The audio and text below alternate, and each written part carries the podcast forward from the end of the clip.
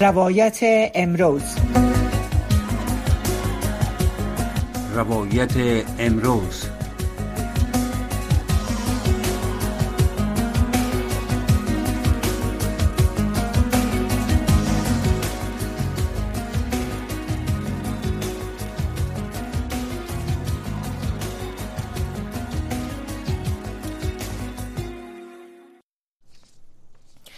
شنونده های عزیز سلام به برنامه روایت امروز از رادیو آشنا صدای امریکا خوش آمدین. من فوزی احسان هستم و تا نیم ساعت دیگه در این برنامه با شما خواهم بود. در برنامه امروز روایت امروز روی موضوع اخراج مهاجرین از ترکیه بحث داریم. در این رابطه دو مهمان داریم. یکی از اروپا و یکی از ترکیه که در رابطه با اخراج مهاجرین از ترکیه در هفته اخیر صحبت خواهند کرد و همچنان وضعیت مهاجرین در کل در اروپا که محدودیت های در اواخر وضع شده است. ببینیم که اگر مهمانان ما در خط باشند مهمانان عزیز ما امروز علی حکمت مسئول انجمن حمایت از پناهجویان افغان در ترکیه و همچنان واحد احمد راتب فخیری عضو فدراسیون پناهجویان افغانستان در اروپا هستند. مهمانان عزیز در خط هستین؟ سلام عرض می‌کنم خدمت شما و شنونده های محترم صدای آشنا. من علی حکمت هستم از ترکیه. آقای علی حکمت بسیار زیاد خوش آمدین. محترم راتب فقیری شما هم دخت هستین؟ بله من هم دخت هستم. سلام عرض می‌کنم به شما و بسیار زیاد خوش آمدین از هر دیتان سپاس از وقتتان و از حضورتان در برنامه. از آقای فخیری اجازه بدین از علی حکمت بپرسیم. در یک هفته اخیر حدود 600 مهاجر افغان گفته میشه از ترکیه اخراج شده. اول آقای حکمت در می رابطه که معلومات بتین وضعیت از چه قرار است؟ چرا مهاجرین اخراج شدن؟ بله. خب اخراج مهاجر افغان معمولا جریان داره.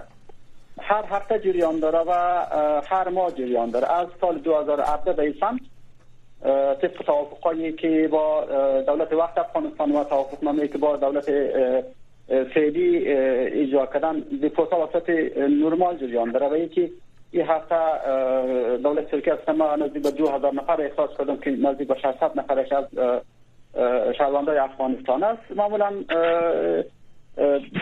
یک مدتی بود به خاطر زلزله آمار منتشر نمی‌کرد. اما دیپورت جریان داشت و بعد از زلزله یکه این وضعیت ترکیه نرمال شد و بار اول خبر دیپورت در هفته اول منتشر شده خبر پاس شده. اگر هر هفته دیپورت جریان داره و هر هفته حداقل 700 نفر 600 نفر تا 1000 نفر به سمت افغانستان دیپورت می شود این افغان افغان ها از خود ترکیه جمع آوری میشن دیپورت میشن یا که از دیگه کشورها دیپورت میشن به ترکیه و از فرستاده میشن. به کجا فرستاده میشن؟ افغانستان؟ پس؟ خب دولت ترکیه که قراردادنامه برگشت مهاجران با یونان داشت فقط با اتحادیه اروپا داشت که از اتحادیه اروپا فقط یونان رو داخل ترکیه مهاجران رو برمیگردن. این کسایی که پروندهشان پرونده پناهندگیشون در یونان رد می‌شد به ترکیه برمیگردن. اما دولت ترکیه از اواخر سال 2021 او طبق او توافقنامه عمل نکرد. یعنی هیچ مهاجری افغان از سمت یونان نگرفت و مو اساس فعلا تمام مهاجرایی که در داخل ترکیه بازداشت میشن یا تمام مهاجرایی که از ترکیه دیپورت میشن اونا یعنی که در داخل ترکیه دستگیر شدن قبلا. یعنی از کشورهای دیگه نیستن بسیار زیاد تشکر شما با ما باشین. در رابطه با که چرا دولت ترکیه سختگیری می‌کنه خصوصا با مهاجرین افغان صحبت خواهیم داشت. اجازه بدین از آقای راتب فقیری هم بپرسیم وضعیت در دیگر کشورها چگونه است؟ در اروپا و خصوصا بریتانیا گزارش های است که سختگیری های بیشتر در قبال مهاجرین داره و وضعیت مهاجرین افغان چه قسم است؟ آقای فقیری؟ بله در کشورهای دیگه مخصوصا کشورهای اروپای غرب هم وضع زیاد خوب نیست. با وصف از که شرایط افغانستان به همه معلوم است و ای که نقض حقوق بشر به وضاحت وجود داره. هنوز هم دولت های اروپایی هم امکانات اخراج بر خود محفوظ نگاه کردن. به این ترکیب که افغانستان کشور امن کشور ببخشید ناامن اعلان نکردن. هنوز هم کشور امن می‌دانن به حساب. و پناهندار امرایشان به حساب کیس شخصیشان مصاحبه می‌کنن می‌بینن که وضعشان از چی قرار است.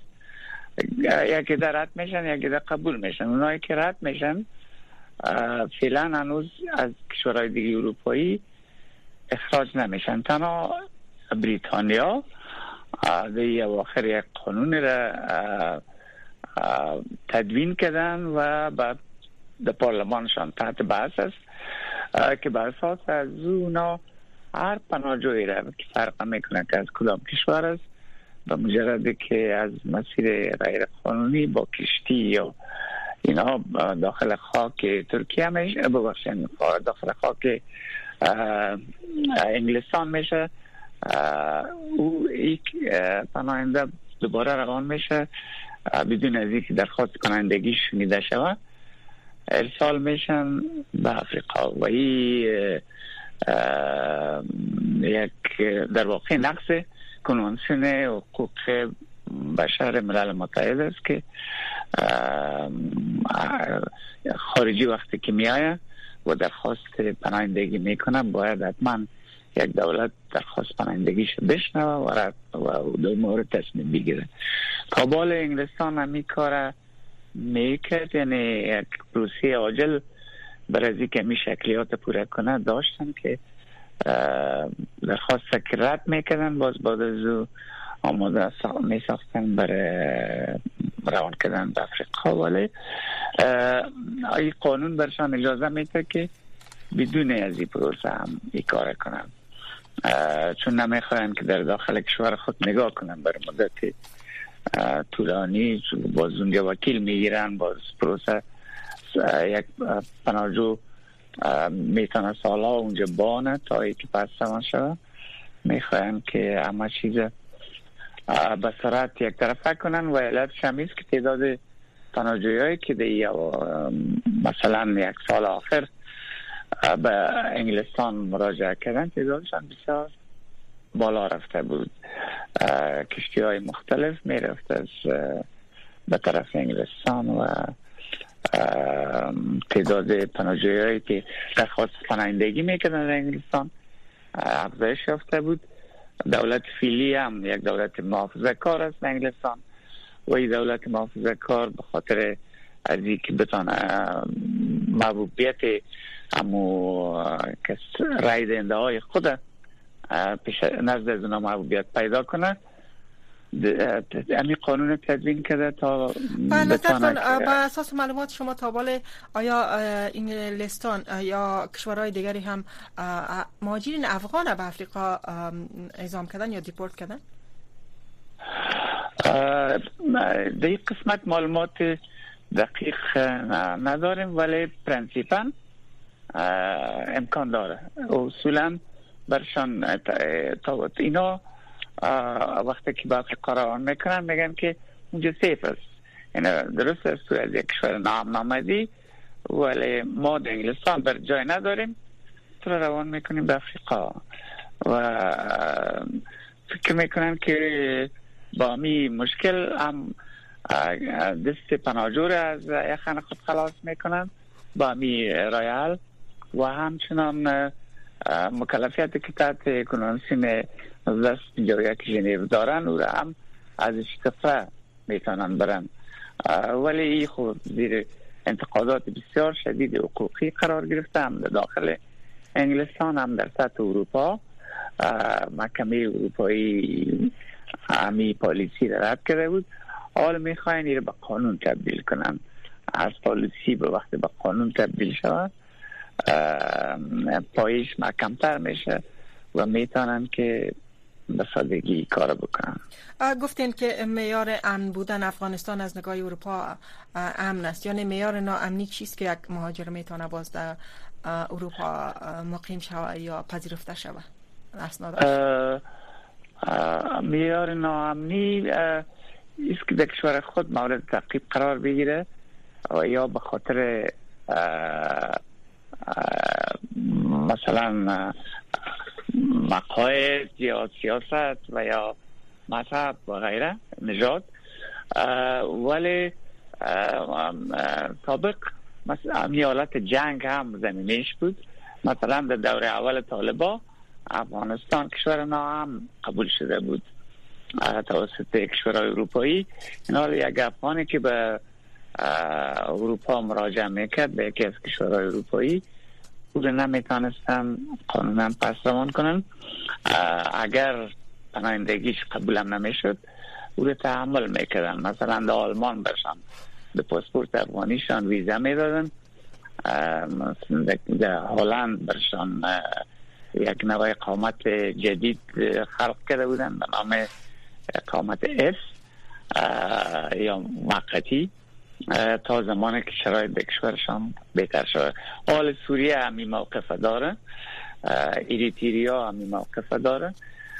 ولی افغانستان نداره. ما از طرف فرو از طرف فدراسیون سازمان های افغان در اروپا ما فشار زیاد آوردیم که بعد از آمدن طالبا برگشت مجدد طالبان. ما کوشش کردیم که افغانستان دوباره این موقف کشور ناامن برش قائل شوند. ولی این کار نکردن و دولت ها و اعضا به سر اقتدار هستن. از این میترسن که اگه تعداد پناهنده زیاد شود باز ما در انتخابات بعدی ما را دیگه مو رای لازم نمی‌گیریم که دوباره به قدرت برسیم. در زمین خب، برخوردا و برخوردا سلیقه‌ای و سیاسی است بیشتر در قبال مهاجرین در اروپا. اجازه بدین از آقای حکمت بپرسیم وضعیت در ترکیه. در این مسائلی که شما توضیح دادین چی است؟ آقای حکمت آقای راتب گفتن که در های از کشورهای اروپایی و خصوص بریتانیا برخورد عزیز که مهاجرین به افریقا هم روان میشن و همچنان افغانستان از جمله کشورهای ناامن به شمار نمیره. در ترکیه چه قسم است روند پذیرش پروسه از که افغان هایی که اونجا میرن می‌تونن بمانن آیا در اوجا کشور افغانستان امن است یا ناامن؟ اگر مهاجرین با چه معیارهایی می‌تونن در ترکیه بانند یا ترکیه تنها جایی است که از اونجا باید یک تخت خیز است که مهاجرین می‌تونن به اروپا برسن آره.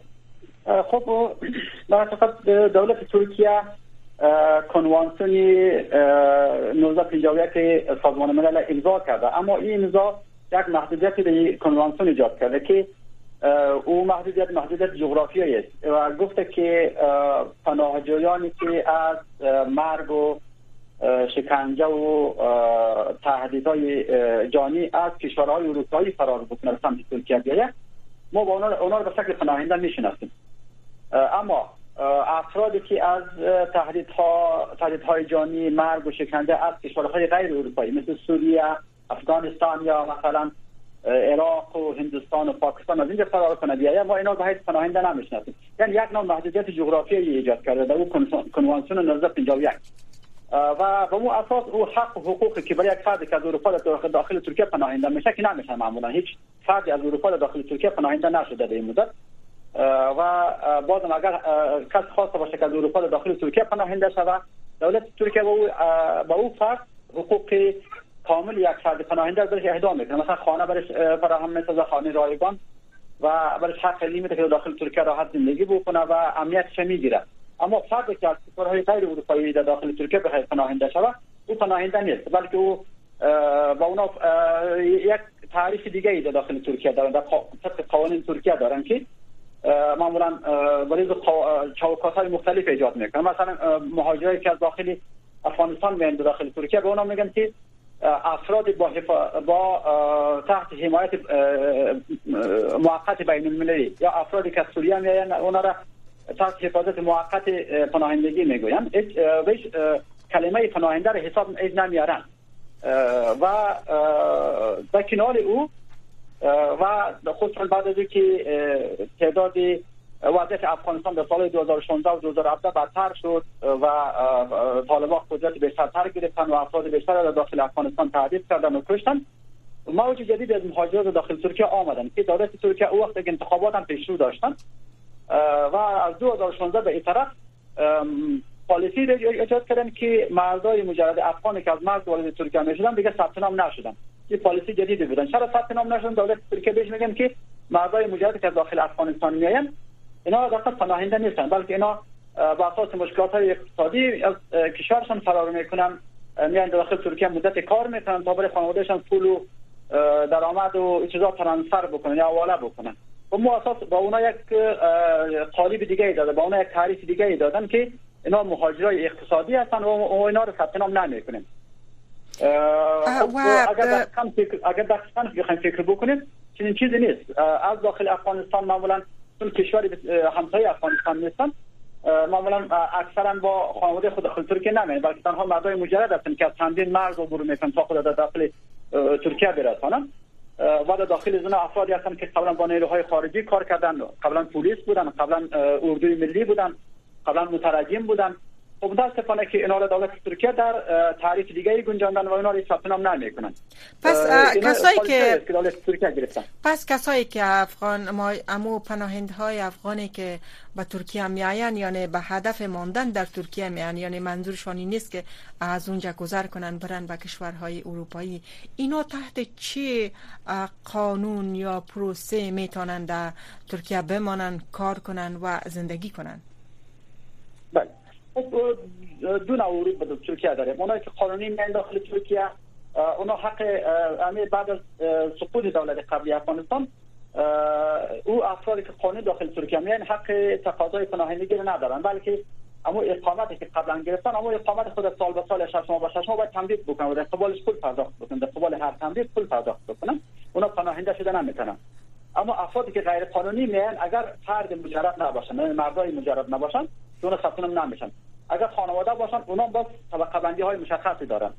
مثلا او خانواده اگر داخل ترکیه شده باشن و در تا رسیدن به شهر مورد نظرش بازداشت نشده باشه اثر انگشتش ثبت نشده باشه در سیستم های دولتی و او خانواده مدارک کامل پناهندگی خود داشته باشه مثل تصفیه داشته باشه نکاح خط داشته باشه و مثلا راپور از بیمارستان دولتی ترکیه داشته باشن که این فرد وضعیت صحی یک اعضای خانواده جدی است.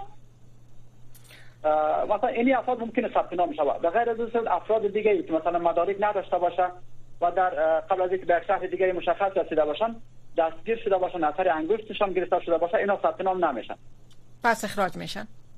بله بله. تشکر. یعنی ثبت نام که نشد به این معنا که اگر بازداشت شوند دستگیر شوند داخل ترکیه احتمال دیپورتش وجود داره. معمولا مردای مجرد دیپورت می‌کنن. خانواده رو معمولا به اجبار دیپورت نمی‌کنن مگر اینکه خودش خواسته باشن. و اگر دیپورت هم نشون او خانواده تا مرحله که داخل ترکیه خواسته باشن به شکل غیر قانونی زندگی کردن می‌تونن. خب غیر قانونی به چه معنی که مخفی زندگی کردن. مثلا دولت ترکیه از محل اسکانش خبر نیست از آدرسش خبر نیست. کودکاش در مدرسه رفتن نمی‌تونن. اگر خدای نخواست مریض شون از بیمارستان از خدمات بیمارستان استفاده کردن نمی‌تونن و از شهر و شهر دیگه رفتن نمی‌تونن. تشکر بسیار زیاد از شما و آقای رات فقیری. شما موضوع از که در ترکیه کسایی که مهاجرینه که بدون داشتن اقامت یا موسناد تای مراحل اسناد قانونی وارد میشن با چی مسائل و سختی زندگی می‌کنن؟ شنیدین. در اروپا چقدر پذیرش و تای مراحل اسناد مهاجرین وقت می‌گیره و این اینهایی که قبول نمیشن زندگی از اینها در اونجا چه رقم است؟ اینا چگونه اطفالشان به مکتب میره اینا چگونه به خدماتی دسترسی دارن؟ اونایی که دیپورت, دیپورت نمیشن البته به دیگه کشورها بله. ها اونایی که قبول نمیشن و ولی دیپورت هم نمیشن دوباره به افغانستان. این افراد در کمپا میمانند. حالتشان طور است که اجازه, اجازه کار ندارن اجازه اطفالشان می‌تونن که به کورس برن یا در مکتب که در خود کمپس برن ولی در مکتب عادی رفتن می‌تونن و در زمن اینا البته بینیسی دارن می‌تونن که مراهدان تداوی شوند. وکیل دارن برای که کیس خود ادامه بتن دوباره درخواست پناهندگی کنن و غیره. ولی در مجموع وقت که همی دوره به می شکل طولانی میشه. اکثر ای افراد از لحاظ جسمی و روی قسم زیر فشار قرار می گیرن که اینا بچار مریضی های جسمی و ناراحتی های روانی میشن.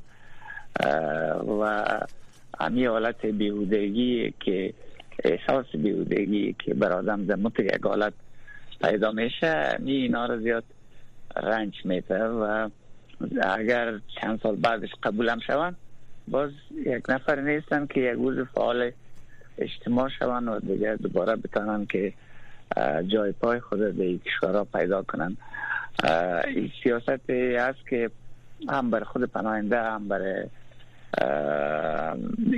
جامعه جامعه اروپایی مزر است. ولی متاسفانه امیر ادامه میتن با که مثلا میتن می‌فهمن که طالبان یک چند سال هستن و غیر انسانی است همین که درخواست پناهندگی از اینا رد شو و بشاره مطور یک شرایط باشم. این تفاوت با ترکیه داره که اینجا یکی پس روان نمی‌کنم فعلا. البته غیر از انگلستان. و دیگه ای که امکانات از زیر دارن که تداوی شون ای ولی در کمپ باید باشن. و هم یک نوع شرایط زندگی غیر عادی است. مثلا ما کسایی رو می‌شناسیم که مثلا یک زن و شوهر است. با نو طفل خود در یک اتاق زندگی می‌کنن. و وقتی همراهشان صحبت کنین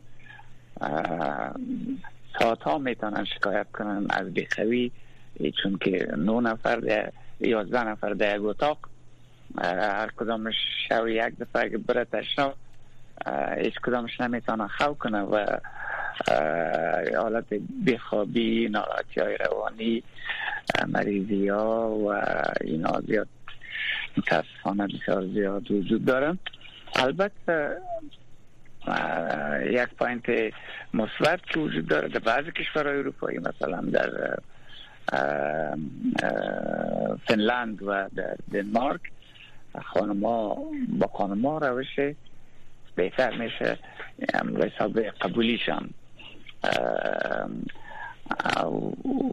او هم بعد از اینکه همین روش طبیعی زیر طالبا در پیش گرفتن در برابر طالب در برابر خانما می دو کشور تا بالا حاضر شدن که پالیسی خود در برابر خانمایی که تنها می آین ولو با طفل خود ولی بدون شوهر با اینا روش خاص صورت می تشکر و همچنان تای مراحل اسناد چقدر وقت می‌گیره یک مهاجر مثلا در کمپ منتظر است که اسنادش تای اسناد پذیرشش البته تای مراحل شود. همین خودش چقدر وقت می‌گیره بس شکل نرمال قوانین در اروپا تعیین کرده که باید از شش ماه الا یک سال طولانی نشه.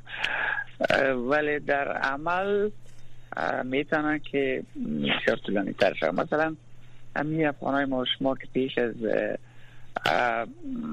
دوباره به قدرت رسیدن طالبا آمده بودن به اروپا و اینا که پناهندگیشان رد شده بود اینا سالا مانده بودن و وقتی که طالبا قدرت گرفتن باز حکومت های اروپایی تصمیم گرفتن که فعلا کیس از یار مورد بررسی قرار ندن.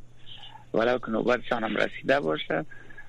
چرا که منتظر بودن که انکشافات اوضاع در افغانستان به کدام طرف میره؟ آیا طالبان به یک دولت نیمه نرمال تبدیل شده می‌تونن یا نه؟ حالا که فهمیدن هم که طالبا مو طالبای سابق است. باز هم همی پالیسی قبلی خود ادامه دادن. کسی را به خاطر این افغانستان کشور نام اعلان نکردن. و بازم باید با کسی شخصی آدم خود ثابت بسازه که زندگی ما در خطر است. یا مثلا آزادی ما در خطر بود در افغانستان تا بتانه که قبول شوند با شما گفتن که اینا وکیل می‌گیرن وقتی که به خاطر تای مراحل اسنادشانی وکیل ها از طرف کی برشان داده میشه؟ شما می سازمان های مهاجرین که کمک می‌کنن اینا چی می‌کنن؟ در گرفتن وکیل اینا رو کمک می‌کنن؟ چون هزینه بالا داره وکیل. وکیل هزینه بسیار بالا داره.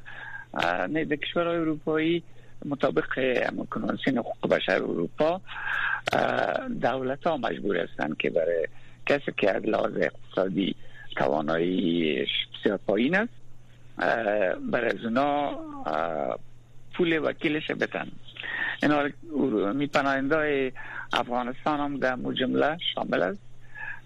یعنی پولش دولت میده ولی دولت ها سابق باز بود. یعنی مثلا یک پناهنده می‌تونست سه بار چهار بار پشت پشت درخواست پناهندگی کنه و سالات کم باشه. ولی حال امکانات گرفتن وکیل محدود ساختن.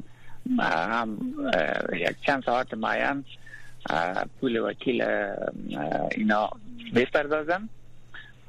و همچنان کسایی که بر بار دوم سوم درخواست پناهندگی می‌کنن باز پولش وکیلشان دولت نمیتن یک ای هم یکی از اون شیوه است که برای وادار ساختن پناهجوست که یا پس کشور خود بره یا مثلا از این کشور بره هر جایی که می‌خواه قبول کنن که برن به کشورهای افریقایی.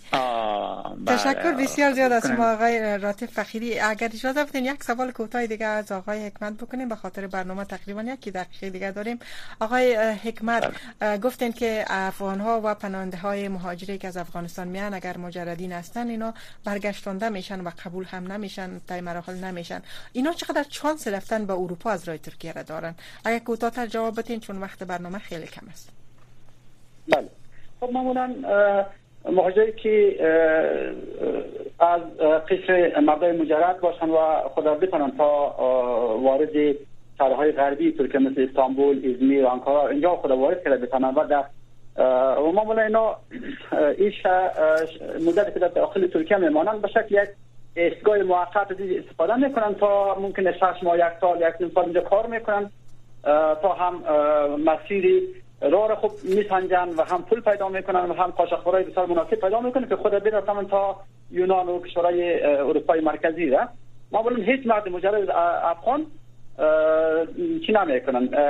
توقع زی ندارن که داخل ترکیه بشینن و معمولا در این مدت که داخل ترکیه خود زندگی می‌کنن. در جستجوی زیستن که راه های فرار ترکیه را بیابن. بسیار زیاد تشکر از محترم علی حکمت مسئول انجمن حمایت از پناهجویان افغان در ترکیه و همچنان احمد راتب فقیری عضو فدراسیون پناهجویان افغانستان در اروپا که به برنامه آمدن و سالای ما را جواب دادن و معلومات دادن در رابطه با روند پذیرش تای مراحل و مشکلات و وضعیت مهاجرین در ترکیه و در مجموع اروپا. تشکر از شما و از حضورتان و همچنان از شنونده هایی که تا حال با ما بودن در برنامه روایت امروز.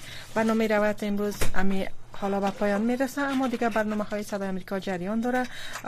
تا یک ساعت تا لحظات دیگر برنامه صدای شما شروع میشه و ما فوزیه ایسان و زیبا جان خادم در خدمتتان خواهیم بود.